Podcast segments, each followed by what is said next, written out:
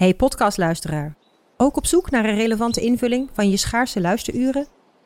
Tune dan in op de podcastserie ESG, even samengevat van BNP Paribas.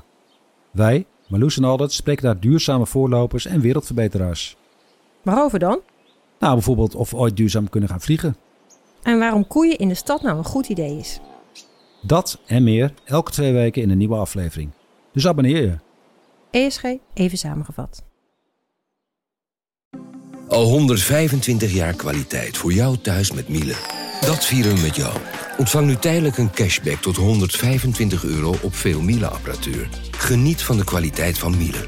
Voor perfect verzorgd wasgoed en kleding die veel langer mooi blijft. Voor een stralend schone vaat, even perfect als jouw diners. En een stofvrij thuis waarin echt hygiënisch schoon de standaard is. Check miele.nl voor alle feestelijke aanbiedingen.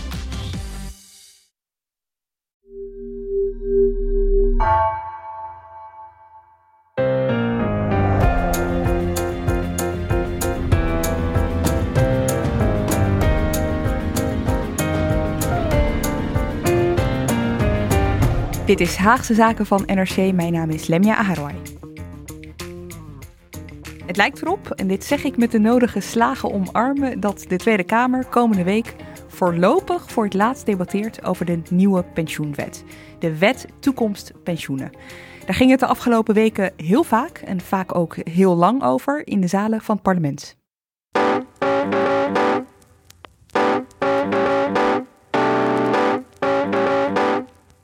De vergadering aan de orde is vervolg van het debat over de wet toekomst pensioenen. Over de wet toekomst pensioenen. Verder met de wet toekomst pensioenen. En ik ga gewoon net zo lang doorpraten totdat iedereen uh, stil is. Het voelt echt als een overhoring dit, voorzitter. Wat ik dacht, misschien is dat het gevolg van zo lang met pensioenen bezig zijn. Allemaal broodjes mee, slaapzakken. Het is echt een overhoring. Ik ben net begonnen aan oorlog en vrede, dus dat kan ik nu even uitlezen. In deze Haagse Zaken gaan we het hebben over een van de grootste hervormingen sinds de Tweede Wereldoorlog, die van het pensioenstelsel, waar al sinds 2008 over gesproken wordt. Je hoort over waar die nieuwe pensioenwet nou over gaat, wat er verandert als die wordt aangenomen, maar ook over de behandeling ervan door de Tweede Kamer, want die verliep anders dan normaal. En wie een beetje trouwe Haagse zakenluisteraar is, weet dan al wie er bij mij in de studio is. Christian Pelgrim. Ja. Welkom. Dankjewel wat we net hoorden, hè, dat is een soort van samenvatting van, een vrolijke samenvatting van uh, hoe jouw weken er de afgelopen tijd uit hebben gezien. Ja, nog even los van natuurlijk alle technische discussies uh, die er ook waren, waar we het nog even over gaan hebben straks. Ja, zeker. Ik verheug me er al. Ja, ik ook. Um, ik volg de, de pensioenen voor NRC nu sinds 2017. Toen kwam ik op de economieredactie werken en was dat een van de onderwerpen die ik ging volgen.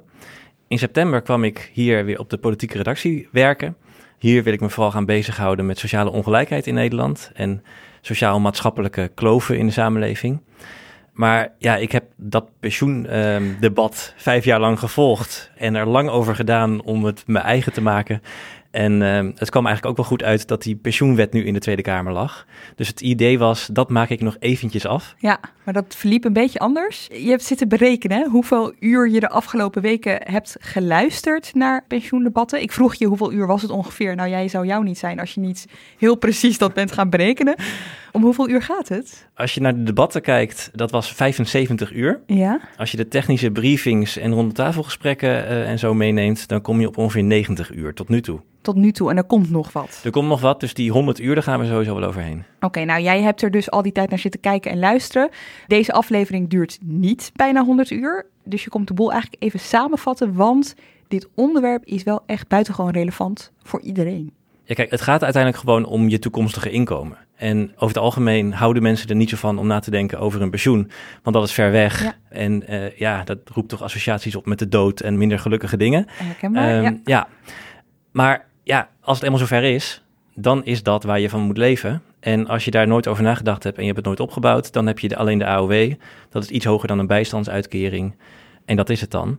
En alles wat je daar bovenop krijgt, het aanvullende pensioen, dat is wat je in je werkende leven zelf gespaard hebt, samen met je werkgever. Ja. Zelf ben ik 30 en ik merk aan generatiegenoten, je denkt er gewoon niet zo over na. Nee. En voor veel mensen geldt dat je dat aanvullende pensioen gewoon vanzelf opbouwt. Het gaat via je werkgever en je hebt er geen omkijken naar. Maar ja, als dat niet het geval is, je hebt ook werkgevers die geen pensioenregeling aanbieden. En als ZZP'er moet je het ook zelf regelen. Ja. En je begint dan pas op je vijftigste met hierover nadenken, ja, dan ben je eigenlijk te laat. Dan kun je niet zo heel veel meer opbouwen. Dus ja, het is echt wel van belang om er op tijd over na te denken. En met het nieuwe stelsel, of met de nieuwe regels, wordt vroeg opbouwen nog belangrijker. We gaan het straks nog uitgebreid over hebben, maar dat maakt Klopt. het debat nog pregnanter. Precies, en dat maakt ook dat als je nu nog niet werkt Ja. eh, en je studeert bijvoorbeeld nog, ook dan is dit van groot belang. Want uiteindelijk, eh, op het moment dat je begint met werken, dan wordt het al meteen relevant voor je. Dit is een enorme wet waar de Kamer de afgelopen tijd over heeft eh, gepraat, en nog steeds over praat. Iets waar dus meer al dan eh, tien jaar over gepraat wordt, bijna 15 jaar inmiddels. Een mega-operatie, het gaat ook echt over heel veel geld, hè? Er zit nu ongeveer 1400 miljard euro in de pensioenpotten in Nederland van de pensioenfondsen. Dat is echt zo'n bedrag waar ik me dan geen voorstelling van kan maken. Dan wil je het vergelijken met iets of zo, maar... Ja, nee, dat, ik heb nog eventjes eh, rekensommetjes gemaakt. Eh, als je alle hypotheekschulden van huishoudens in Nederland zou willen aflossen, kun je dat met de pensioenpotten twee keer doen. Zo, ja, Ja, dat dus. en als je kijkt naar de rijksbegroting van eh, dit jaar, 2022, die kun je vier keer financieren met de pensioenpotten. Vier keer de rijksbegroting van 2022. En over de wet, die gaat over zoveel geld, gaan wij het nu ook eh, hebben. Maar er wordt dus al heel lang over gesproken. Ik noemde net al eventjes eh, 2008. Laten we even een, een soort tijdlijn maken van hoe lang dit al speelt. Ja, kijk, 2008 had je een grote financiële crisis. En toen begon er wel echt veel discussie op gang te komen over hoe houdbaar is dit pensioenstelsel nou.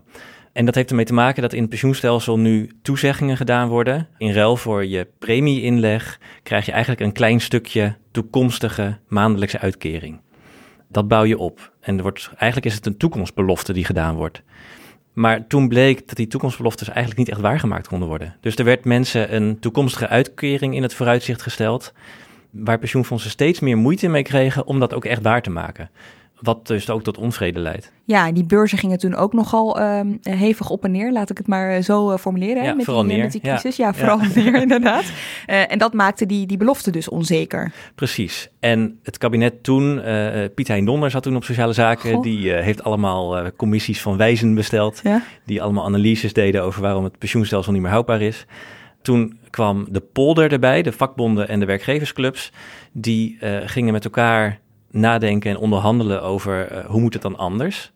En in 2010 sloten zij een pensioenakkoord, toen al. Maar dat leidde tot heel erg veel geruzie binnen de vakbonden. eh, vooral binnen de FNV, die was eindeloos verdeeld en die dreigde bijna een kopje onder te gaan door oneenigheid over dat pensioenakkoord. Mhm. En dat bleef rommelen tot 2012. En toen in 2012, toen was, was definitief duidelijk van dat, dat pensioenakkoord, dat gaat in deze huidige vorm niet door. Dus toen was de pensioenhervorming weer van de baan. Mislukt. Mislukt.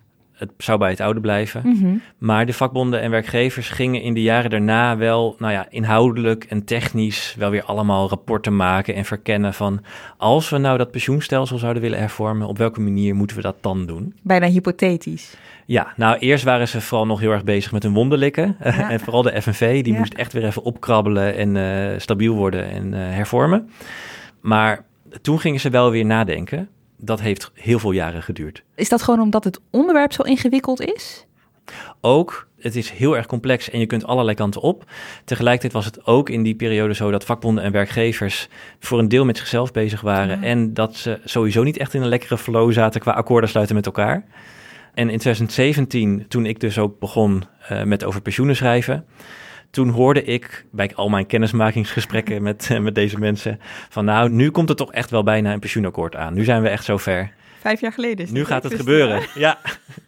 Oké, nou goed. Eh, ik eh, kan eh, me herinneren dat jij twee jaar later, dus in 2019, eh, te gast was in Haagse Zaken. Toen maakte hij debuut en toen zei je zelf, net gehoord van iedereen dat het nu echt zou gebeuren. Nu gaat het echt gebeuren. Ja, dat was inderdaad begin, wat is dat, mei 2019 Ja, was dat. ja. En eh, dat was gelukkig ook zo, want vlak daarna werd het pensioenakkoord gesloten in 2019. Een hoofdlijnenakkoord over hoe dat nieuwe pensioenstelsel eruit zou moeten zien. En dat was echt een ding, hè? want een jaar daarvoor hadden ze het eigenlijk ook al geprobeerd. In 2018 heeft Rutte zich er nog tegenaan bemoeid, maar dat mislukte toen. Precies. Nee, want wat ik zei toen ik dat in 2017 van die mensen hoorde, die hadden al voor de verkiezingen van 2017 een akkoord willen sluiten met elkaar. Toen dat niet gelukt was, wilden ze het eigenlijk tijdens de formatie doen van Rutte 3. Want dan heb je een soort voldongen feit. Hè? Ja, als je als werkgevers en vakbonden dan een akkoord hebt, ja, dan zal het kabinet het waarschijnlijk wel in het regeerakkoord opnemen, want dat is dan toch de weg van de minste weerstand. Ja, Ook dat lukte niet. Het regeerakkoord was eerder. En daar stond dus ook in van we gaan een eh, pensioenakkoord sluiten met de werkgevers en vakbonden. En er stond in het regeerakkoord in 2020 is het wetgevingsproces afgerond. Dat was weer te ambitieus. Ja. En wat ik ook wel interessant uh, vind, is dat die sociale partners, die zijn er eigenlijk de hele tijd bij betrokken geweest. Je noemde ze al een paar keer. Dat zijn dus de werkgevers aan de ene kant, vakbonden aan uh, de andere kant. Waarom zijn die zo belangrijk? Nou, de pensioenen zijn eigenlijk gewoon een arbeidsvoorwaarde. Het is uitgesteld loon en een werkgever is niet altijd verplicht om dat aan te bieden. In heel veel uh, cao's, collectieve arbeidsvoorwaarden, staat wel dat dat dan binnen de sector moet. Maar ook zo'n cao is iets wat werkgevers en vakbonden samen afspreken. Dus het kabinet verplicht werkgevers niet om pensioen aan te bieden. Dat doen ze eigenlijk gewoon vrijwillig. Dus in dit geval hebben ze ze nodig om zo'n wet tot uitvoering te kunnen Precies, eigenlijk is pensioen van de werkgever en de werknemer samen. Maar het kabinet heeft er wel een rol in, want het kabinet zorgt ervoor dat dat belastingvriendelijk kan gebeuren en dat al die grote pensioenspaarpotten niet helemaal uh, belast worden. Nou, en daarom stellen ze wel voorwaarden. Van we willen dan wel dat het op een eerlijke manier gebeurt. Dat er voor verschillende generaties eerlijke regels gelden. En dan willen wij dat belastingvriendelijk uh, regelen. Wat ik hier best wel interessant aan vind, is dat dit een soort laatste restjes zijn waar het poldermodel wel moet werken. Hè? Want je hoort best wel vaak, werkt dat model eigenlijk nog wel? Hè? Dus dat je iedereen erbij betrekt voordat je tot besluitvorming uh, komt. Hier is het eigenlijk een voorwaarde om het überhaupt te kunnen laten slagen. Nou, dat, dat, die opsomming van jou toont dat wel aan. Ja, dat klopt. En bij de grote arbeidsmarkthervormingen, dan zie je dat het kabinet ook graag de vakbonden en de werkgevers tevreden wil stellen. Maar als ze niet tevreden zijn, dan kan het kabinet doordrukken. En bij de pensioenen is dat eigenlijk niet mogelijk. Want de pensioenfondsen die dit moeten gaan uitvoeren, die worden ook bestuurd door diezelfde vakbonden en werkgeversclubs. Dus die moeten hier gewoon handen en voeten aan gaan Precies, geven. Er is dus, echt een afhankelijkheidsrelatie. Ja, zonder hen kun je dit eigenlijk niet. Oké, okay, even terug naar die tijdlijn. Hè? Want in 2019 kwam dat pensioenakkoord er dus. Dat is dus eigenlijk een voorwaarde geweest om überhaupt iets wettelijks te kunnen uh, veranderen. Om, om, om een wetsvoorstel uh, te kunnen doen. Nog wel even goed om te memoreren, Wouter Koolmees in Rutte 3, dus het vorige kabinet, de minister van Sociale Zaken en Werkgelegenheid en dus toen verantwoordelijk voor de pensioenen, die heeft hier ook een belangrijke rol in gespeeld. Die uh, uh, heeft eindeloos veel kopjes koffie gedronken met al die uh, vakbondsmensen en werkgeversonderhandelaars om dat glad te smeren. Maar hij heeft ook samen met de rest van het kabinet flinke toezeggingen moeten doen om de vakbonden over de streep te trekken. Wat bijvoorbeeld? Nou, de vakbonden hebben best wel veel wisselgeld geëist om hieraan mee te werken. Ze hebben bijvoorbeeld geëist dat de AOW-leeftijd minder snel ging stijgen. Want het was zo dat voor elk jaar dat Nederlanders langer leven, de AOW-leeftijd ook met een jaar ja. harder ging stijgen. Nou, dat tempo is vertraagd. En dat is in het pensioenakkoord afgesproken. Dat heeft miljarden euro's gekost per jaar in die tijd was het kabinet nog niet zo scheutig met uh, miljarden uitdelen. Een paar miljard is nu ja, natuurlijk nee, gewoon... Uh, nu zou dat echt zo geregeld ja. zijn, maar toen was dat echt een ding. um, uiteindelijk heeft hij dat allemaal uh, gladgestreken, wat in, in geen jaren gelukt was. En toen in 2019 dat pensioenakkoord gesloten was... toen moest Koolmees eerst nog eens een keertje met die sociale partners aan tafel zitten... van hoe gaan we dat nou precies doen? Dus over die uitwerking hebben ze ook nog wel een jaar gepraat waardoor ze in 2020 een uitwerkingsakkoord konden, konden presenteren. Wat er ook wel weer wat anders uitzag dan dat eerste akkoord. Maar daar gaan we het allemaal niet over nee. hebben nu. En toen kon Colmees echt aan de slag. Toen de uitwerking met de sociale partners geregeld was. Toen konden zijn ambtenaren echt wetteksten gaan schrijven. En eind 2020 lag er dus een concept wetsvoorstel. Ja. Nou ja, nou gaan die wetsvoorstellen altijd in uh, consultatie, internetconsultatie. Dan kunnen mensen gaan reageren, vooral groepen, hè, belangengroepen en zo gaan reageren op wetsvoorstellen. Nou, dat gebeurt bijna altijd. Onlangs nog met de asielwet bijvoorbeeld hè, van Erik van den Burg. Alleen in dit geval zo'n gevoelig onderwerp. Ja, dan komen er heel veel meer reacties. Er waren meer dan 800 reacties opgekomen. Uh, en de minister zei een keer dat dat ongeveer 1400 pagina's waren. En uh, Wouter Koolmees heeft toen dus ook aan de Kamer gemeld dat hij wat later het uh, definitieve wetsvoorstel naar de Kamer moest sturen, omdat er zoveel reacties waren en omdat sommige reacties ook gewoon heel technisch waren. En van wie komen die? Ik kan me zo voorstellen, van fondsen bijvoorbeeld, ja. van experts, die bemoeien zich daar graag tegen. Maar zijn het ook gewoon individuen? Ja, nee, dus inderdaad fondsen, experts, je hebt pensioenadviesbureaus die reageren, uh, wetenschappers uh, op persoonlijke titel, maar inderdaad ook heel erg veel gepensioneerden. En er waren ook wel belangenorganisaties die dan bijvoorbeeld standaardteksten uh, hadden aangeboden en hun leden opriepen om dat allemaal massaal in te sturen. Ja, ja. En dat gebeurde dus zo uh, eind 2020 lag het dus voor ter uh, internetconsultatie. En dan heeft het best wel lang geduurd, want begin dit jaar, om precies te zijn op 30 maart, stuurde de huidige minister, want er is inmiddels een nieuw kabinet, Carola Schouten, ChristenUnie, ze is minister voor armoedebeleid en pensioenen. En participatie. En participatie. Ja. Die stuurde het naar de Tweede Kamer. En toen kon de Tweede Kamer aan de slag. Ja. En die hebben voor de zomer ehm, allemaal schriftelijke vragen gesteld. Daarvan zei Carola Schouten dat het er ook ongeveer 1400 waren. Dat is een soort uh, magisch getal uh, in dit dossier. Waarom? Ja, toeval. Ja, denk ik, denk, ik, denk ik. Maar je weet het nooit. ja. En de Tweede Kamer heeft nog een, een technische briefing gehouden met ambtenaren van sociale zaken. Rond de tafel uh, hoorzittingen met experts. Dat was allemaal voor de zomer. En dat is er allemaal voor Kamerleden, zodat ze ook gewoon goed kunnen begrijpen waar het over gaat, hun vraag kunnen stellen. Ja, dat hebben Kamerleden ook zelf bedacht, dat ze dat op die manier wilden doen. Ja. Dus dat ze eerst veel kennis wilden vergaren. En dat was allemaal voor de zomer afgerond, waardoor ze na de zomer konden beginnen met het politieke debat. Niet helemaal toevallig, het moment dat jij dus begon op de politieke redactie. Precies. Ja, jij zegt ik volg dit debat, maar het debat achtervolgt jou ook wel een beetje. Dit blijft mij achtervolgen. Ja. ja. Nou goed, september en uh, oktober was het wetgevingsoverleg. Het WGO heet dat dan, hè? die mm -hmm. afkorting kun je hier wel eens uh, horen. Hoe ziet dat eruit? Ja, dan zit je in een commissiezaaltje waarin een halve cirkel uh, de Kamerleden zitten. Je ziet de minister zitten, Carola Schouten, met voor de kijkers links van haar een aantal ambtenaren. En nou, ik zat dan vaak uh, vooraan, dan heb je tafeltjes voor de pers. En achter mij zat het vaak helemaal vol met gepensioneerden. Vooral gepensioneerden, niet alleen maar, maar toch wel ja. behoorlijk veel. En er waren ook dagen dat het gewoon vol was. En dat er dan op de gang nog allemaal stoelen bijgezet waren met het tv-scherm waar nog meer mensen zaten. Ja, en de, dat is eventjes voor uh, wie niet al die commissiedebatten, volgens best wel ongewoon. Hè? Commissiedebatten worden echt niet zo goed bezocht. Nee, en dat, dat geldt voor de plenaire debatten al, dat de, de publieke tribune lang niet altijd vol zit. Ja. En voor een commissiedebat is dat nog, uh, nog bijzonderder. En word jij dan ook op je schouders getikt tijdens die debatten door gepensioneerden die jou even vertellen hoe je het op moet schrijven en wat je moet opschrijven? Dat is een paar keer gebeurd, ja. ja, ja. Waarom verbaast me dat niet? Ja. Uh, Oké, okay. uiteindelijk heeft dat vijf dagen geduurd hè, in uh, commissiezaaltjes. Is dat ongewoon? Ja, dit heeft wel een stuk langer geduurd dan dit soort trajecten normaal duren met wetsvoorstellen. Want na dat wetgevingsoverleg van vijf dagen, dat was in september en oktober. In november was dan de eerste helft van het grote plenaire debat in de grote zaal. Daar was één dag waarop de Kamerleden aan het woord waren en één dag waarop Carola Schouten kon reageren en een debat met haar was. En vorige week vrijdag en afgelopen maandag waren er twee dagen waarin nog eens eventjes in een commissiezaaltje alle wetsartikelen één voor één uitgeplozen werden en het echt heel erg technisch werd. Ja, en dat is heel ongewoon, gaan we het zo eventjes over hebben. Maar eerst even de lijn afmaken, de ja. lijn der verwachting zeg ik in dit geval er maar eventjes bij, want volgende week zou dan het laatste debat hierover zijn in de Tweede Kamer. Ja, klopt. Aanstaande donderdag staat nu gepland. En uh, we nemen dit op donderdag op. En pas op vrijdag is het echt definitief. Mm -hmm. Maar nou ja, Carola Schouten zal dat al wel geblokt hebben in haar agenda. Want dat is hoe het nu in de conceptagenda staat. Is er een scenario denkbaar dat het niet het laatste debat is? Zeker. Want uh, tot nu toe heeft altijd alles hier langer geduurd dan gepland. Vandaar mijn vraag eigenlijk. Precies. Ja. Nee, er, het is best wel een, een, een kans denkbaar dat het donderdag niet afgerond kan worden. Uh, de tweede helft van het plenaire debat. En dan zullen ze waarschijnlijk in de week daarna door moeten. En dat is de laatste week voor het kerstreces. De coalitiepartijen en het kabinet hopen echt dat het dan in die week echt afgerond kan worden en uh, gestemd kan worden. Zodat het ook nog op tijd naar de Eerste Kamer kan.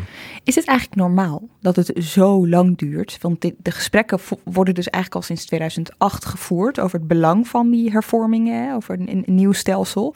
Nou, dit is wel echt heel erg lang. Maar de wet is natuurlijk ook niet normaal. Ja. Die is ook heel groot. Als je die alleen op de wettekst zelf bekijkt, het is gewoon 500 pagina's met wettekst en toelichting. Er komen nog duizenden pagina's aan, nou ja, uh, allemaal uh, vragen en antwoorden van het ministerie. Artikelen die deskundigen dan weer hebben ingebracht. Het is eindeloos veel. Het is eigenlijk bijna gewoon een fulltime baan. Hè? Ik zit me nu even te bedenken dat Kamerleden doen dit vaak als portefeuillehouder. In sommige gevallen zijn ze ook nog eens gewoon ja, alleen. Denk aan bijvoorbeeld uh, Pieter Omtzigt. En dan Ja. is deze hele informatiestroom, daar heb je best wel wat tijd voor nodig. Nee, klopt. En dat hoor ik ook wel achter de schermen van Kamerleden. Dat ze ook wel heel erg veel gebruik maken van externe deskundigen die hun voeden met, met tips. Van kijk hier eens naar of uh, hoe zit het met dat artikel. Ja, En, ja. ja, en ik heb ook wel eens van een Kamerlid gehoord die zei ja, ik heb nu ook wel andere dossiers. Maar mijn beleidsmedewerker is nu vooral met de pensioenen bezig. precies. Dus dat verschuift weer meer werk naar het Kamerlid zelf. Ja. Eh, Is dat ook de reden dat oppositiepartijen, want we hebben het nu over dit, hè, de- dit is best ongewoon, vijf keer in een commissiezaal, zo vaak plenair. Is dat ook de reden, want oppositiepartijen willen eigenlijk alleen maar meer tijd ervoor, hè? Ja, je merkt uh, in de procedurele vergaderingen van Ja. hoe gaan we verder, dat er steeds een strijd is tussen de coalitie, die dit toch ook wel snel afgerond wil hebben, en de oppositie, die steeds meer tijd wil nemen en meer tijd wil nemen. Met als argument, dit moet zorgvuldig gebeuren. En tegelijkertijd is het natuurlijk ook strategisch slim om dit langer te laten duren. Want als de Eerste Kamer niet genoeg tijd heeft om het voor de verkiezingen te doen, ja, dan zou het zomaar eens kunnen dat het moeilijker wordt om een meerderheid te halen daar. Omdat de samenstelling van de Eerste Kamer hoogstwaarschijnlijk verandert. Precies. Het ziet er naar uit dat de coalitie daar minder zetels overhoudt. Nou, en is de vraag, dan hebben ze misschien meer partijen nodig die het ook steunen. En dat betekent meer water bij de wijn. Hè? Even de vertaling daarvoor is, als je, hoe meer steun je nodig hebt, hoe meer partijen erover mee willen praten, um, uh, hoe meer water bij de wijn je zult moeten doen. Ja, of in dit geval eigenlijk uh, dat ook de kans gewoon groter wordt dat het helemaal niet doorgaat. Ja. Oké, tot zover de wat procedurele kant, zal ik maar zeggen. En de tijdlijn die ons uh, heeft uh, gebracht tot waar we nu zijn. We gaan het zo hebben over die wet waarover gedebatteerd wordt. Maar eerst eventjes, waarom moest dat huidige systeem nou precies op de schop? Nou, de belangrijkste reden die genoemd wordt door deskundigen is dat hele systeem van toekomstbeloftes, dat dat niet meer houdbaar is. Dus ik zei al aan het begin van, nu is het systeem er helemaal op gebaseerd wat de toekomstige uitkering is die je krijgt. En dat wordt jou steeds voorgespiegeld, mm -hmm. van nou, wij beloven jou deze uitkering.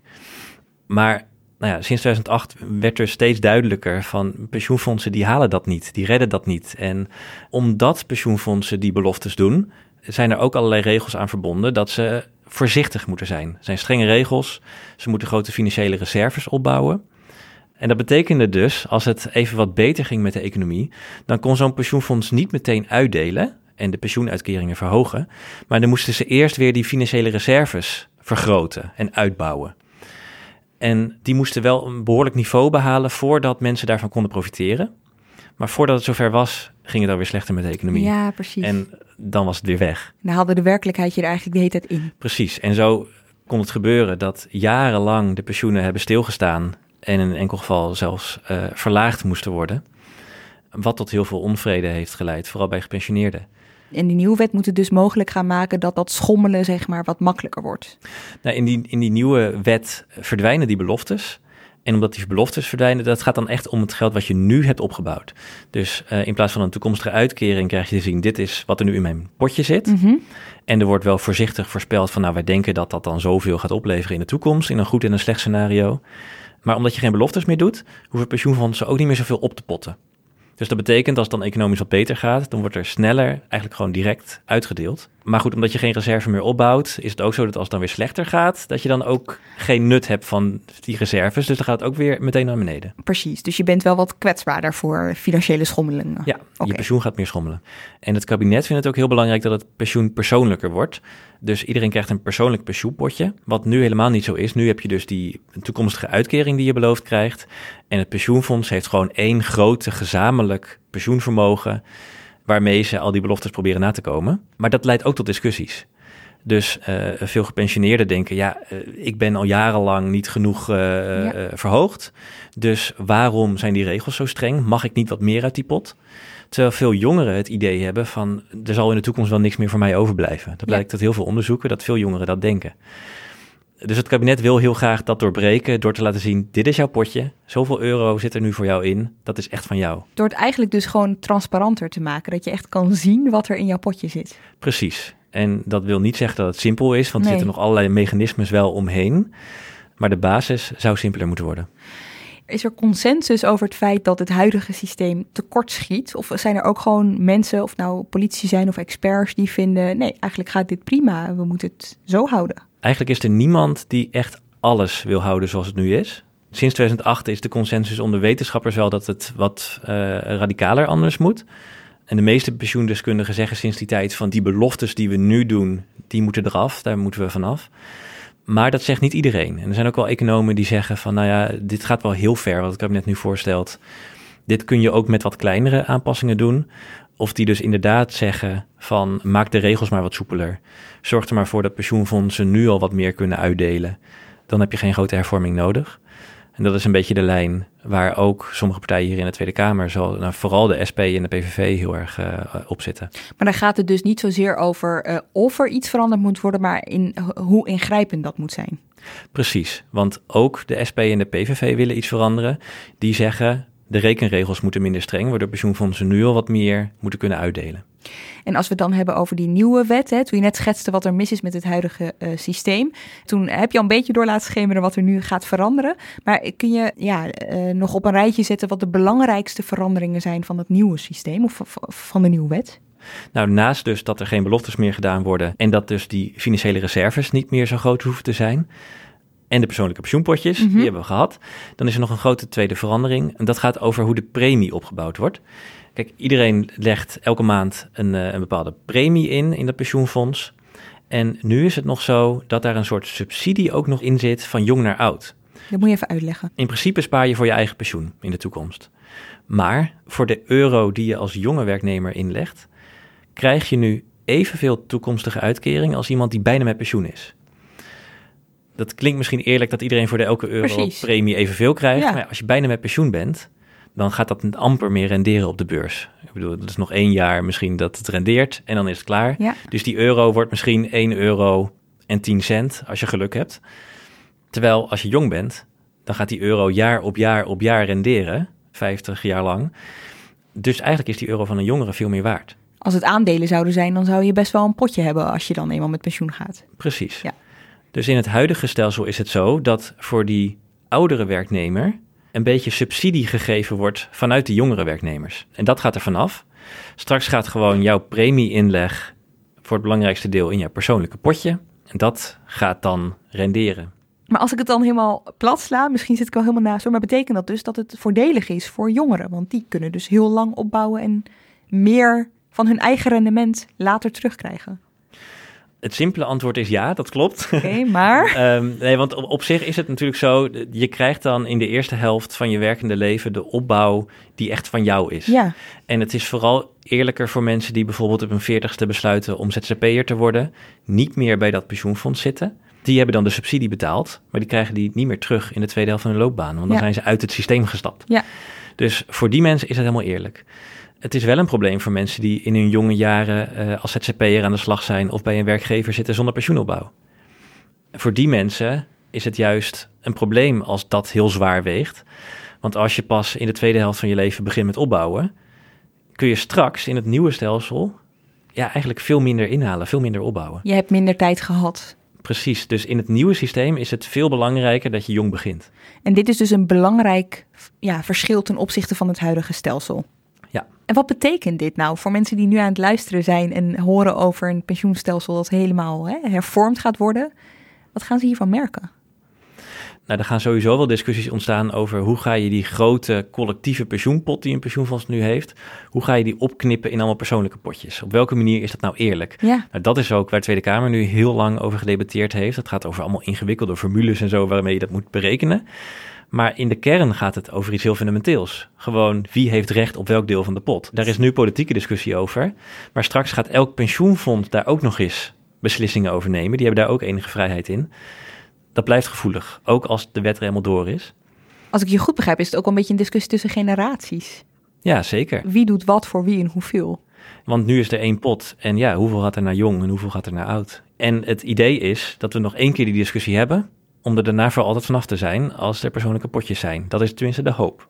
Je zegt, dit is de hoop. Daar uh, klinkt wat onzekerheid in door. Ja, kijk, ook als je persoonlijke potjes hebt, uh, er zitten nog wel wat collectieve mechanismes uh, aan vast in het nieuwe stelsel. Wat kleiner dan nu, maar toch. En je kunt ook altijd weer discussie gaan krijgen over, ja, maar als je een persoonlijk potje krijgt, wie krijgt hoeveel in zijn persoonlijke potje? In principe is het wetsvoorstel zo gebouwd dat je daar van tevoren afspraken over maakt en er daarna niet meer aan morrelt. Maar ja, als er dan een hele grote crisis komt, ja, dan kan de Tweede Kamer best wel weer zeggen van uh, moeten we daar niet toch nog eens eventjes naar kijken en moeten we dat niet toch nog anders gaan verdelen?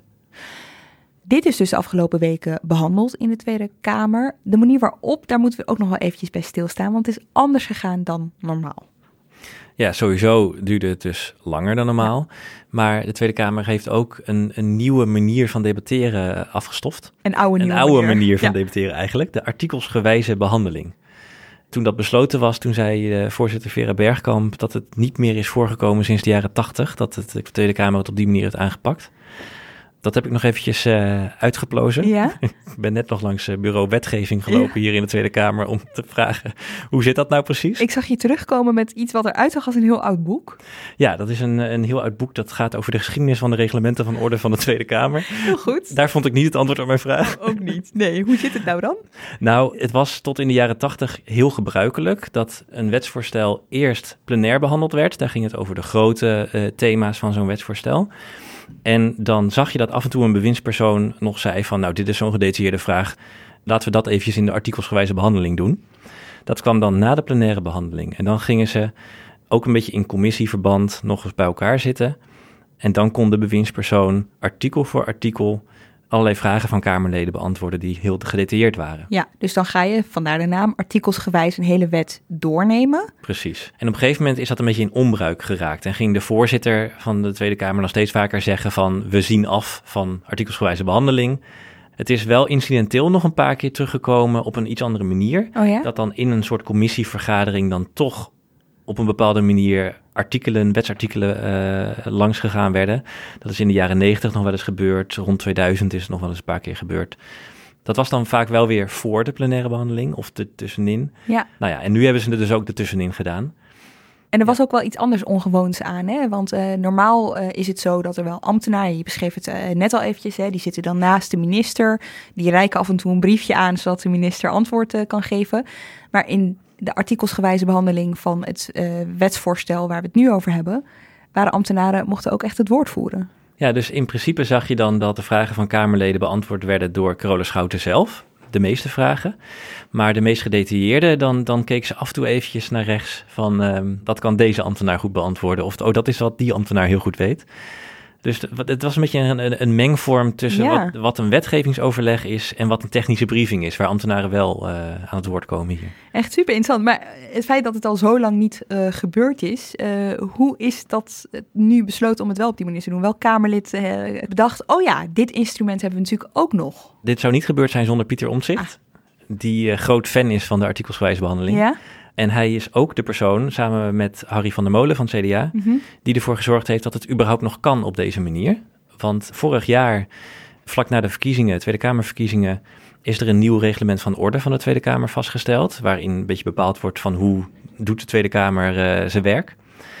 Daar zou de artikelsgewijze behandeling uitgehaald worden. Want ja, die werd nooit gebruikt, dus die kon er wel uit. Toen hebben Pieter Omzicht en Harry van der Molen, toen allebei nog van het CDA, een amendement ingediend een, een, een wijzigingsvoorstel ja. waarin ze beschreven hoe die artikelsgewijze behandeling eruit ziet. En um, dat is aangenomen, dus oh ja. op die manier uh, dat kon het. Dat verklaart ook wel waarom Pieter Omtzigt goed weet dat dat instrument er is. Precies, en, en zijn punt hierbij is, soms kan de devil in de detail zitten, dat er één wetsartikel is wat iedereen over het hoofd ziet en dat grote consequenties heeft. En hij zegt, dit is zo'n complexe wet, je kunt wel eens wat over het hoofd zien. Hey, en als we het verder hebben over die behandeling van die wet. Jij hebt dus zowel in de plenaire zaal als in commissiezaaltjes gezeten urenlang. Hoe verlopen die debatten? Ja, ik zei al dat die tribunes dus vaak vol zaten met gepensioneerden. En die hadden ook vaak grote moeite om echt stil te blijven. Dus uh, af en toe was, er applaus of uh, gemor of mensen die zeiden ja, ja, klopt helemaal. En dan vooral bij Leon de Jong van de PVV, Bart van Kent van de SP en Pieter Omzicht. Dat zijn wel echt de grote helden van de mensen die op de publieke de tribune zitten. Nou, dat gaat dan ongeveer zo. 2 november. Uh, Leon de Jong, uh, dit was het begin van een plenair debat. Die deed een ordevoorstel om niet te debatteren omdat hij meer informatie wilde hebben over iets. En uh, de mensen op de tribune waren het met hem eens. Wij kunnen niet hier debatteren voordat we die cijfers hebben. Dus mijn ordevoorstel is dit debat vandaag van de agenda af te halen. De minister de ruimte te geven om al die berekeningen te maken. Die naar de Kamer te sturen. En dan kijken of er een parlementaire uh, vervolg moet komen. Dank u wel, meneer de Jong. En ik ga de collega... Nee, mensen op de publieke tribune. Het is niet de bedoeling dat u aangeeft waar u heel blij van wordt... of waar u verdrietig van wordt. het is belangrijk dat we het debat in alle rust met elkaar kunnen voeren. Dus een punt van orde van de heer de Jong. Ja, en ik vond het wel opvallend. Vera Bergkamp, die, die moest dat een paar keer doen. Hè, tot, uh, tot de orde roepen. Want ja. uh, officieel mag het publiek niks laten horen. Diezelfde avond nam uh, Martin Bosma van de PVV de voorzittershamer over. En die ging daar een stuk uh, milder mee om. Bijvoorbeeld na de lange bijdrage van uh, Pieter Omzicht. Sorry, kort applausje mag. Oh, dan weet hoe lang het dan voorgaan. Nou, langer mag niet, want dan wordt hij arrogant. Dat willen we ook niet. Dank u wel, meneer Omtzigt. Het is voorbijgevlogen, anderhalf uur. Anderhalf uur hoor je. Dat vind ik trouwens ook nog wel echt iets van deze debatten. Je zag soms die overzichten langskomen met de spreektijden van iedereen. En bij Pieter Omtzigt zag je bijvoorbeeld 110 minuten. En dat was van echt zo wow. Want voor Pieter Omtzigt is bijvoorbeeld echt wel een ding. Hij is een afsplitser. Dat betekent dat hij altijd de helft spreektijd heeft. Maar bij dit soort behandelingen mogen ze gewoon net zo lang praten als ze willen eigenlijk. Bij wetsvoorstellen, ja. Precies. Maar maakten ze het ook vol? Dus zeg maar, los van die plaatjes die we allemaal zien op sociale media, als hij anderhalf uur heeft gepraat, terwijl hij 110 minuten heeft gehad. Ja, nee, het, het grappige is, Pieter om zich had eerst 90 minuten staan en hij heeft dat opgehoogd tot 110 voor de zekerheid. Ja. Maar uiteindelijk heeft hij dus inderdaad alsnog anderhalf uur 90 minuten gepraat, inclusief een paar eh, interrupties van andere Kamerleden. En je noemde net dat hij het dus goed doet eh, bij de mensen op de publieke tribune, SP en PVV ook. Waarom? Omdat de mensen die op deze debatten afkomen, dat zijn toch vooral de gepensioneerden eh, die hier heel erg tegen zijn. En het houdt hen heel erg bezig. Dus zij komen ook hier naar het Kamergebouw toe en zij roeren zich hierin. En hun mening wordt vertolkt door deze drie heren. Ja. En wat me ook wel echt opvalt in die debatten is dat die echt twee uitersten kennen. Hè? Dus ehm, aan de ene kant grote politieke statements van dit is echt een flutwet. Jullie begaan een gigantische fout. Jullie hebben er geen last van dat er een onzeker pensioen wordt opgebouwd. Jullie voelen dat helemaal niet. Wanneer is het genoeg? Zo vraag ik de minister. Wanneer gaat ze nu eindelijk eens werk maken van haar naam en mensen uit de armoede halen in plaats van ze er verder in te drukken? Als de minister samen met de coalitiepartijen deze wet blijft doordrukken, begaan ze een catastrofale historische fout.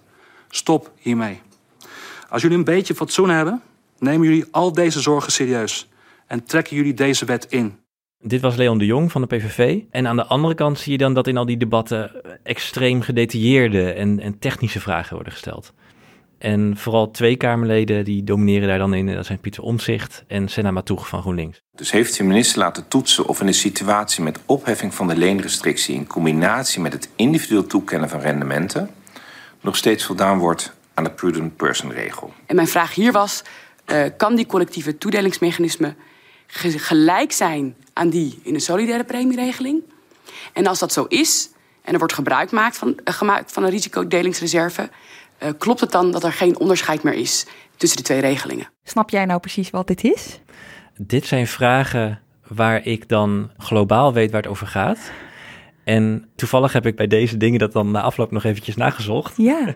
En als ik daar dan weer eventjes, dus als ik dat dan teruglees in het verslag en ik ga er eventjes in graven in mijn geheugen van hoe zat het ook alweer, dan kom ik er wel weer op. Maar het zijn dingen die flitsen dan voorbij in het debat en denken even van, oh wacht even, dit gaat te snel. En heb je het idee dat Kamerleden alles snappen? Of durven ze ook gewoon te zeggen bij een interruptie van iemand van, joh, sorry, ik weet even niet waar je het over hebt? Nou, niet op die manier, maar je merkt soms wel dat er dan een beetje langs elkaar heen gepraat wordt. Dus dat een Kamerlid dan een paar interrupties extra nodig heeft om te begrijpen wat de minister of bij de artikelsgewijze behandeling de ambtenaar zegt. Ja. Dus dan is het echt even zoeken van hoe zit het nou precies? Want je hebt allemaal juridische aspecten, zodat dat, dat, dat prudent person wat je net hoorde, ja, dat mm -hmm. heeft met allemaal toezichtsaspecten te maken. Je hebt aan de andere kant uh, hyper-economische wiskundige modellen. Je kunt nooit van al die dingen alles doorgronden. Dat is gewoon menselijk onmogelijk. Dus soms moet je gewoon even wat langer nadenken of dingen terugzoeken. En als je nou kijkt naar de verhoudingen in die debatten, je noemde net eigenlijk al de PVV en de SP, die zijn sowieso tegen hè, deze, deze wet. Pieter Omtzigt hangt daar tegen aan, maar heeft nog niet echt uitgesproken dat hij tegen is, als ik het goed heb. Ja, het zou me heel erg verbazen als hij opeens voor is, want hij laat het wel doorschemeren dat hij hier tegen is. Hij zegt het niet keihard, ik ga tegenstemmen. Nee, en zie je dan ook in de Kamer dat zij met z'n drieën optrekken? Pieter Omzicht gaat wel heel erg uh, zijn eigen gang, merk je, in het, in het debat. En die, die stelt allemaal technisch ingewikkelde vragen. Maar kleurt dat ook wel politiek in, omdat hij heel erg tegen is en dat ook niet verbergt. PVV en SP, die doen dat over het algemeen met minder gedetailleerde vragen. Maar die gebruiken Pieter Omzicht soms ook wel een beetje. Dan, dan willen ze van hem horen waarom iets zo slecht is. Ja, dank voorzitter. Want kan het ook niet zo zijn dat als je wel naar een andere werkgever gaat, je daar compensatie kan krijgen terwijl je nooit iets hebt bijgedragen aan de pensioenpot? Zit daar ook niet nog een probleem? Je kan natuurlijk naar de rechter gaan, maar dan moet je wel de kennis hebben en ook de financiële middelen om überhaupt naar die rechter te kunnen stappen. En dat ontbreekt natuurlijk ook heel veel mensen. Is de heer Omzicht het niet mee eens dat we iets zouden moeten regelen om ervoor te zorgen dat mensen die hier zo mee worden geconfronteerd, dat die hoe dan ook, zodra zij het gevoel hebben dat zij onrecht worden aangedaan, dat ook op min of meer kunnen aantonen, dat we ze moeten kunnen helpen om die gang ook te kunnen zetten. Nou, ik ben daar iets minder bang voor. Oh, dus het helpt niet altijd? Nee, het, het helpt dan niet altijd. Dit was dus in het betoog van 90 minuten van Pieter Omzicht dat vooral PVV en SP hem onderbraken met dit soort uh, vragen. Maar er was dus niet één coalitiepartij oh. die hem onderbrak. En dat is toch wel opvallend, want normaal gesproken als er een oppositiekamerlid is dat hele fundamentele kritiek heeft, dat daar veel aandacht mee krijgt. Nou, Pieter Omzicht krijgt hier veel aandacht mee. Dan willen coalitiepartijen vaak daar een beeld tegenover zetten. En dat ze dan bijvoorbeeld kunnen zeggen: Ja, Pieter Omzicht, uh, hier ben je misschien geen voorstander van. Maar uh, vind je het huidige stelsel dan zo geweldig? Precies. Of een heel andere vraag. Maar gewoon om een beetje uh, tegengas te geven. Ja. En omdat ze dat niet gedaan hebben, dat hoorde ik later ook wel van andere mensen die zeiden, ja, daardoor kreeg het een beetje een cultstatus. Alsof niemand durft Pieter Omzicht te interrumperen, want misschien veegt hij je wel verbaal de vloer met je aan. Dus die coalitiepartijen baalden daar een beetje van achteraf. Ik hoorde uh, inderdaad dat ze achteraf zeiden dat hadden we toch wel moeten doen. Hoe is het verder verdeeld in de Kamer? Dus we weten nu hè, hoe de PVV, SP en Omtzigt erover uh, denken. De coalitiepartijen zijn voor. Niet alleen omdat het in het regeerakkoord staat, maar dat hadden ze ook al in hun partijprogramma's. Dat, dat willen ze gewoon echt. PvdA en GroenLinks die uh, steunen de hoofdlijnen van de veranderingen. Die hebben al toen het pensioenakkoord gesloten werd met vakbonden en werkgevers politieke steun toegezegd aan, aan die hoofdlijnen, aan het akkoord. Maar die stellen nog wel veel fundamentele vragen. En die, die zeggen ook wel van wij, wij zijn nog wel een controleur van de regering. En ze willen ook nog wel wat concessies afdwingen. En lukt dat? Als je als zo'n grote wet, die dus eigenlijk al in zo'n akkoord is vastgespijkerd voor een deel, mhm. lukt het oppositiepartijen om nog echt iets te veranderen? Rode Schouten die heeft wel een aantal toezeggingen gedaan al. Dat ging bijvoorbeeld over de rekenmodellen die gebruikt moeten worden om te bepalen wie welk deel van die grote pot krijgt, als dat persoonlijke potjes worden. Daar zijn twee verschillende rekenmethodes voor bedacht die pensioenfondsen mogen gebruiken. En het was het idee dat een pensioenfonds mag kiezen welke van die twee rekenmodellen het beste past. Daar was heel veel kritiek op, want deskundigen zeiden ook al en Kamerleden waren er ook bang voor. Dan gaat er heel veel druk ontstaan uh, als bijvoorbeeld bij het ene rekenmodel jongeren het beste uit zijn en bij het andere rekenmodel zijn ouderen het beste uit, dan krijg je discussie. En elk pensioenfonds zal gedwongen worden om beide rekenmodellen te gebruiken. Daar komt nog bij dat één van die twee rekenmodellen ontzettend technisch en complex is. En soms tot hele gekke uitkomsten kon leiden in een paar extreme gevallen. En dan kon je van denken van nou, die pensioenfondsbesturen die zullen dat nooit doen. Die zullen altijd wel iets tot iets eerlijks komen. Maar veel oppositiekamerleden, Pieter om zich vooral voorop, die zeiden ja, dat moeten we toch wel inperken, dat er geen gekke dingen kunnen gebeuren. Dus daar heeft Carola Schouten nu gezegd, die eerste rekenmethode, die wat simpeler is, dat wordt de standaard. In principe moeten pensioenfondsen die gebruiken, tenzij ze kunnen aantonen dat dat niet bij hun fonds past, dat dat voor hen niet werkbaar is, dan mogen ze die ingewikkelde methode gebruiken. En dan gaan daar ook wat meer waarborgen voor gelden. Dat die gekke uitkomsten niet meer mogelijk zijn. Dus dat is die oppositiepartijen gelukt? Precies. En dan was er nog een ander punt uh, waar ook vooral Pieter Omzicht op zat te hameren. Namelijk hoeveel beleggingsrisico voor jongeren genomen mag worden. Kijk, in de basis is het niet zo controversieel dat voor jongeren meer beleggingsrisico genomen zal worden dan voor ouderen. Want de oude beleggingswijsheid is dat als je een lange beleggingshorizon hebt, als je nog vele jaren te gaan hebt, dan moet je gewoon risico lopen om een goed rendement te halen. En als het dan even wat slechter gaat, dan heb je nog jaren te gaan om dat te compenseren. En voor ouderen wil je juist minder risico, want ja, dan kun je zo'n klap niet meer opvangen. Dus dan heb je wat minder uitschieters naar boven en naar beneden nodig. Maar wat hier zo gevoelig was, was dat het in de wet ook mogelijk werd om voor 1 euro die een jongere inlegt, tot wel 1000 euro beleggingsrisico te lopen. Nou kon het potje nooit negatief worden. Dat was, dat was wel een bescherming die erin zat. Maar ja, dan zou je potje in theorie wel nul kunnen worden. Dat is super gevoelig. En daarvan zei Carola Schouten wel van nou, dat daar, daar kunnen we ook wel een maximum op zetten. Dus ze heeft wel een soort luisterend oor geboden aan de wensen van de oppositie, de, de, de zorgen van de oppositie. Eh, hebben zij nou echt ook iets fundamenteel, wat je nu noemt? Ik kan mhm. dat zelf niet helemaal plaatsen. Is het echt fundamenteel geweest? Nee, de hoofdlijnen zijn eigenlijk gewoon hetzelfde gebleven. Eh, je kunt wel zeggen, hiermee zijn belangrijke punten veranderd die mis hadden kunnen lopen. Maar het gaat niet over de hoofdlijnen van het voorstel, nee. En politiek gezien, PvdA en GroenLinks, die kunnen dit wetsvoorstel gaan steunen. En die eisen daar nog wisselgeld voor. Die zeggen dat meer werknemers pensioen moeten gaan opbouwen. Dus die vinden dat uh, er in de wet een doelstelling moet komen dat meer werknemers via hun werkgever een uh, pensioenregeling moeten krijgen. En dat bijvoorbeeld de leeftijd waarop mensen beginnen met pensioenopbouw omlaag moet. Dat mensen eerder beginnen met pensioenopbouw. Al dat soort maatregelen. En ook dat is toegezegd? Nou, voor een deel. Um, en voor een ander deel ziet het er naar uit dat daar nog toezeggingen op komen. Want Carola Schouten weet dat PvdA en GroenLinks daar nog echt iets op nodig hebben voordat ze hiermee in gaan stemmen. Dat is een voorwaarde voor ze. Ja, en Carola Schouten gaat dat natuurlijk ook niet te vroeg weggeven. Nee. Die moet wat kaarten op zak houden voor dat laatste grote debat. Van het onderhandelen. Ja. Nu we dit allemaal zo besproken hebben, hè, dan blijft één ding over. En dat verklaart misschien ook wel waarom de Kamer hier zo lang zoveel over heeft gesproken. En dat is de uitvoerbaarheid. Uh, iets waar we het in Haagse Zaken natuurlijk vaak over hebben gehad de afgelopen tijd. Hier, en daarmee bedoel ik het Tweede Kamergebouw waar we nu opnemen, geldt nog steeds dat men de, ja, hoe zou ik het zeggen, de gevolgen van de toeslagenaffaire zichzelf ook wel toerekent, hè? tot op zekere hoogte, de Tweede Kamer. Dus speelt dat hier ook een rol, dat Kamerleden hier zoveel tijd in steken omdat ze die uitvoerbaarheid ook gewoon, dat ze zeker willen weten dat ze niet weer zo'n fout maken? Ja, dat voel ik heel erg, dat Kamerleden zich dat realiseren. En dat ze ook het idee hebben van dit moet goed gaan. Dit is zo groot, zo complex, hier mogen geen fouten gemaakt worden. En daar zijn de afgelopen jaren ook allerlei adviesrapporten over verschenen. Over hoe dat anders moet en hoe dat beter moet. En dat de Tweede Kamer meer aandacht moet gaan besteden aan wetgeving. En in een van die wetgevingsoverleggen uh, heeft Senna Matoeg van GroenLinks ook geciteerd uit een van die rapporten.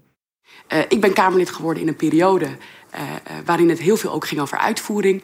En ik heb vanochtend het rapport Klem tussen Bali en beleid er nog een keer bij gepakt. En er is één paragraaf die ik even wilde voorlezen. De behandeling in de Tweede Kamer, dus het dubbele punt, de uitvoering is te veel een blinde vlek. Om invulling te kunnen geven aan haar medewetgevende taak moet de Tweede Kamer accurate informatie hebben over de sterkte en zwakte kanten van voorgenomen wet en regelgeving. Ik denk en ik hoop ook dat wat we vandaag gaan doen is beginnen met die uh, uh, belangrijke behandeling. En ik denk dat dat ook een context is, naast die hele lange context en de voorgeschiedenis is, waarom in ieder geval, zo heb ik maandag ervaren, wij als collega's zo scherp zitten op deze wet. Omdat wij willen leren, ook uit het verleden. Tegelijk is er ook wel weer een, een belangrijk onderscheid met andere uitvoeringsproblemen. Het zijn geen overheidsinstanties die deze pensioenwet moeten gaan uitvoeren. Dat zijn pensioenfondsen. En die pensioenfondsen zijn hier heel nauw bij betrokken. Die worden vaak bestuurd door de werkgevers en vakbonden die zelf dit pensioenakkoord gesloten hebben en die dit willen. Precies. En zij kijken heel nauw mee met al die wetgevingsoverleggen. En op het moment dat er iets misdreigt te gaan, dan trekken ze ook meteen aan de bel. En dan zijn ze daar meteen bij betrokken. En het kabinet wil dus ook dat zij dit zien zitten. Dus dat is nog wel een, een, onderscheid met hoe het met overheidsinstanties zit. Tegelijk, ook hier kunnen natuurlijk allerlei uitvoeringsproblemen gaan ontstaan, omdat het toch wel heel complex is. Ja. En misschien ook omdat er zoveel pensioenfondsen zijn. Het zijn er volgens mij iets van 186 of zo. Ja, het zou mij niet verbazen als er toch een keer bij minimaal één fonds iets heel erg misgaat. Dat kan. Dat en weet dan? je niet. Nou ja, dat ligt er een beetje aan wat er misgaat. Maar uit onderzoeken blijkt wel dat bijvoorbeeld de pensioenadministratie bij fondsen lang niet altijd op orde is. Dat gaat soms om kleine foutjes, maar dat kan ook om grotere fouten gaan. Terwijl op het moment dat je die grote pensioenpotten gaat opsplitsen in persoonlijke potjes, dan wil je eigenlijk wel een, een foutloze administratie hebben. Want, het, want die momentopname bepaalt wie welk bedrag krijgt. Als je dan na die tijd ontdekt, oh wacht even, het zit anders, iemand anders had recht op meer. Waar ga je dat uit betalen? Er zijn wel reserves voor. Dat heeft Carola Schouten ook in die debatten steeds gezegd. Die wilde dan iedereen geruststellen van ja, er zijn reserves voor. Maar als het echt een hele grote fout is en het betreft heel veel deelnemers, ja, dan zou in een uiterst geval zouden die persoonlijke potjes van andere mensen aangesproken moeten worden. Er zijn dus nog steeds wel risico's op fouten. Zeker. En Ja. die kunnen dan grote gevolgen hebben. Hoe groot? Nou ja, eh, probeer je maar voor te stellen wat de ophef is als de, de persoonlijke potjes van mensen worden aangesproken. Van, oh sorry, we gaan er wat uithalen voor een ander. Toch een rekenfoutje gemaakt, excuus. Ja. ja precies. Oké, nou hebben we al die uren aan debat achter de rug. Er komen nog wat uurtjes aan. Komende week wordt er dus over gedebatteerd. Heel misschien lukt het niet om het dan af te krijgen. Dan nog even de week erop. Dan is het en op een gegeven moment komt het terecht in de Eerste Kamer. Je legde net al eventjes uit waarom het belangrijk is voor de coalitiepartijen dat dat voor de Provinciale Statenverkiezingen gebeurt. Wat verwacht je van die behandeling trouwens in de Eerste Kamer? Dat zij daar ook nog al die uren voor gaan uittrekken? Ja, dat weet ik niet zo goed. Het is aan de ene kant, kijk, als PvdA en GroenLinks en misschien ook wel de SGP hiervoor gaan stemmen in de Tweede Kamer, dan kun je je voorstellen dat ze in de Eerste Kamer ook procedureel wat meer haast willen maken om dat er doorheen Ja. te krijgen. Ze kunnen inhoudelijk ook zeggen, ja, de Tweede Kamer heeft zoveel informatie gekregen, die kunnen wij ook tot ons nemen. Tegelijkertijd, ja, zij kunnen ook zeggen, we willen het heel zorgvuldig doen. En wat nog mee kan spelen, ja, het is heel praktisch, maar in de Eerste Kamerleden zijn eh, de leden gemiddeld wat ouder dan in de Tweede Kamer. Aha. Het zou kunnen dat zij misschien ook iets meer onder invloed staan van een aantal oudere organisaties die hier tegen zijn. Dit is iets wat ik niet weet, maar wat wel een onzekerheid kan zijn. Ja. Hoe dan ook, wordt het daar ook behandeld. En dan moet er op een gegeven moment over worden gestemd. En dan is het er, of niet. Op dit moment lijkt het erop dat als er voor de Provinciale Statenverkiezingen over wordt gestemd, lijkt het erop, zeg ik er even bij, Mhm. dat het wel door beide kamers gaat. Ja, dat, dat denk ik ook wel. Ook als het allemaal gaat lukken met die concessies die PvdA en GroenLinks Precies. willen. En dan, Christian, wat ga jij dan doen met je leven als dit helemaal voorbij is? Ja, dan moet ik eh, andere tijdsbestedingen gaan vinden. dit heeft zo'n hap uit je leven genomen dat ik Ja. me afvraag of je nog wat anders kan vinden wat Ja. net zo leuk is. Dan moet ik even de zin van mijn leven weer eh, gaan, gaan erover na gaan denken. Dan is er een nieuwe pensioenwet, maar dan eh, stort jij dus in een identiteitscrisis. Nou ja, eh, dank voor nu in ieder geval, eh, Christian Pelgrim. Jij ook weer bedankt voor het luisteren. Mocht je nou geen genoeg krijgen van pensioenen, we hebben de aflevering die onze collega's van de podcast NRC vandaag hebben gemaakt over dit onderwerp voor je in de show notes gezet. En ook een aantal links naar stukken die over dit onderwerp hebben geschreven. Redactie en productie van deze aflevering waren in handen van Iris Verhulstonk, montage door Pieter Bakker. En volgende week zijn we er weer. Heel graag tot dan.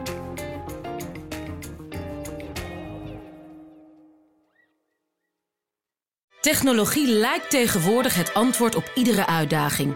Bij PwC zien we dit anders. Als we de potentie van technologie willen benutten, kunnen we niet zonder een menselijk perspectief. Human-led, tech-powered noemen we dat. Ga naar pwc.nl.